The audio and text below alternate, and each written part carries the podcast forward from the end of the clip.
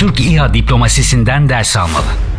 Türkiye, İHA'ların nasıl güçlü bir dış politika varlığı olabileceğini gösterdi. Avrupa Birliği ve üye ülkeleri bu teknolojinin geliştirilmesine ve düzenlenmesine öncülük etmek için Türkiye ile birlikte çalışmalıdır.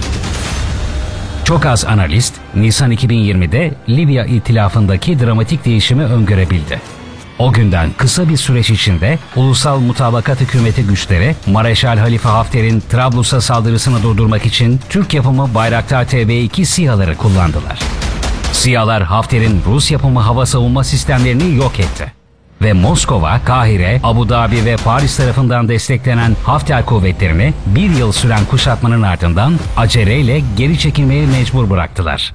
Ayrıca Türk İHA'ları Suriye'deki çatışmalarda da belirleyici bir etki yarattı. Dağlık Karabağ'da Azerbaycan ordusu ve şimdi de Ukrayna ordusu onları Donbas'taki Rusya destekli ayrılıkçılara karşı konuşlandırdı. Türk İHA'larının askeri yeteneklerinden bahsedilirken bunların en önemli etkileri sadece bunlar değil. Ayrıca Türkiye'ye sağladıkları ekonomik fırsatlar ve siyasi kaldıraç özelliği dikkat çekiyor.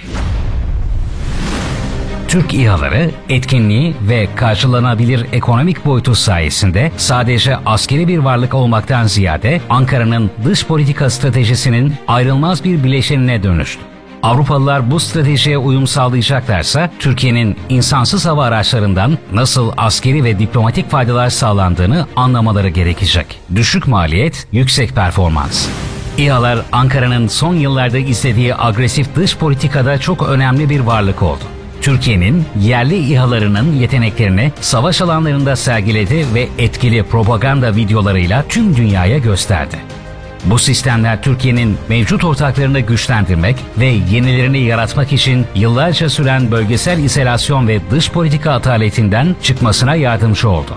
Türk İHA'ları etkili olduğu kadar ucuz da. Bir TB2'nin maliyeti kabaca 5 milyon dolar. Amerikan yapımı MQ-9 Reaper için bu maliyet 20 milyon dolarken daha gelişmiş bir ABD yapımı RGMK-1 için bu maliyet 28 milyon dolar. Çin'in Winglongo gibi diğer düşük maliyetli modellerin aksine Türkiye'nin İHA'ları yeteneklerinin çoğunu benzerlerinin fiyatının çok altında sunuyor. Bu nedenle şaşırtıcı olmayan bir şekilde Türkiye daha önce Amerika Birleşik Devletleri, İsrail ve Çin'in hakim olduğu bir sektörde önemli bir rol kazandı. Türk İHA'larının sahip olduğu ülkelerin listesi kısa sürede 9'a çıkarken Polonya, Letonya ve hatta Birleşik Krallık gibi NATO üyeleri de dahil olmak üzere 16 ülke daha Baykar'a sipariş verdi veya SİHA'larla ilgilendiğini ifade etti. Bu durum Türkiye'nin savunma sanayisini ve krizle boğuşan ekonomisini daha geniş bir şekilde canlandırdı. Bugüne kadar İHA satışları Türk savunma sanayisine en az 3,2 milyar dolarlık bir katkıda bulundu. Türkiye ve ABD arasında F-35 konusundaki çekişme, Türkiye'yi daha gelişmiş insansız hava aracı sistemleri geliştirmesi yönünde tetikledi ve yaptığı atılımla sektördeki konumunu yıllar boyunca güvence altına aldı. İHA diplomasisi genellikle yedek parça, mühimmat, eğitim ve diğer teknik yardımların sağlanması üzerine inşa edilmiş kazançlı, uzun vadeli ortaklıklara yol açar. Türkiye ile Ukrayna arasında gelişen askeri ortaklık da bu duruma bariz bir örnektir. Türkiye şimdi Ukrayna motorlarını satın alırken iki devlet araştırma ve geliştirme konusunda da yakın işbirliği içinde.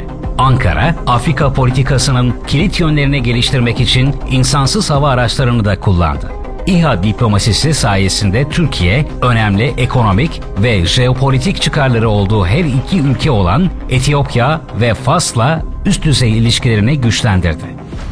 Büyük güç, büyük sorumluluk.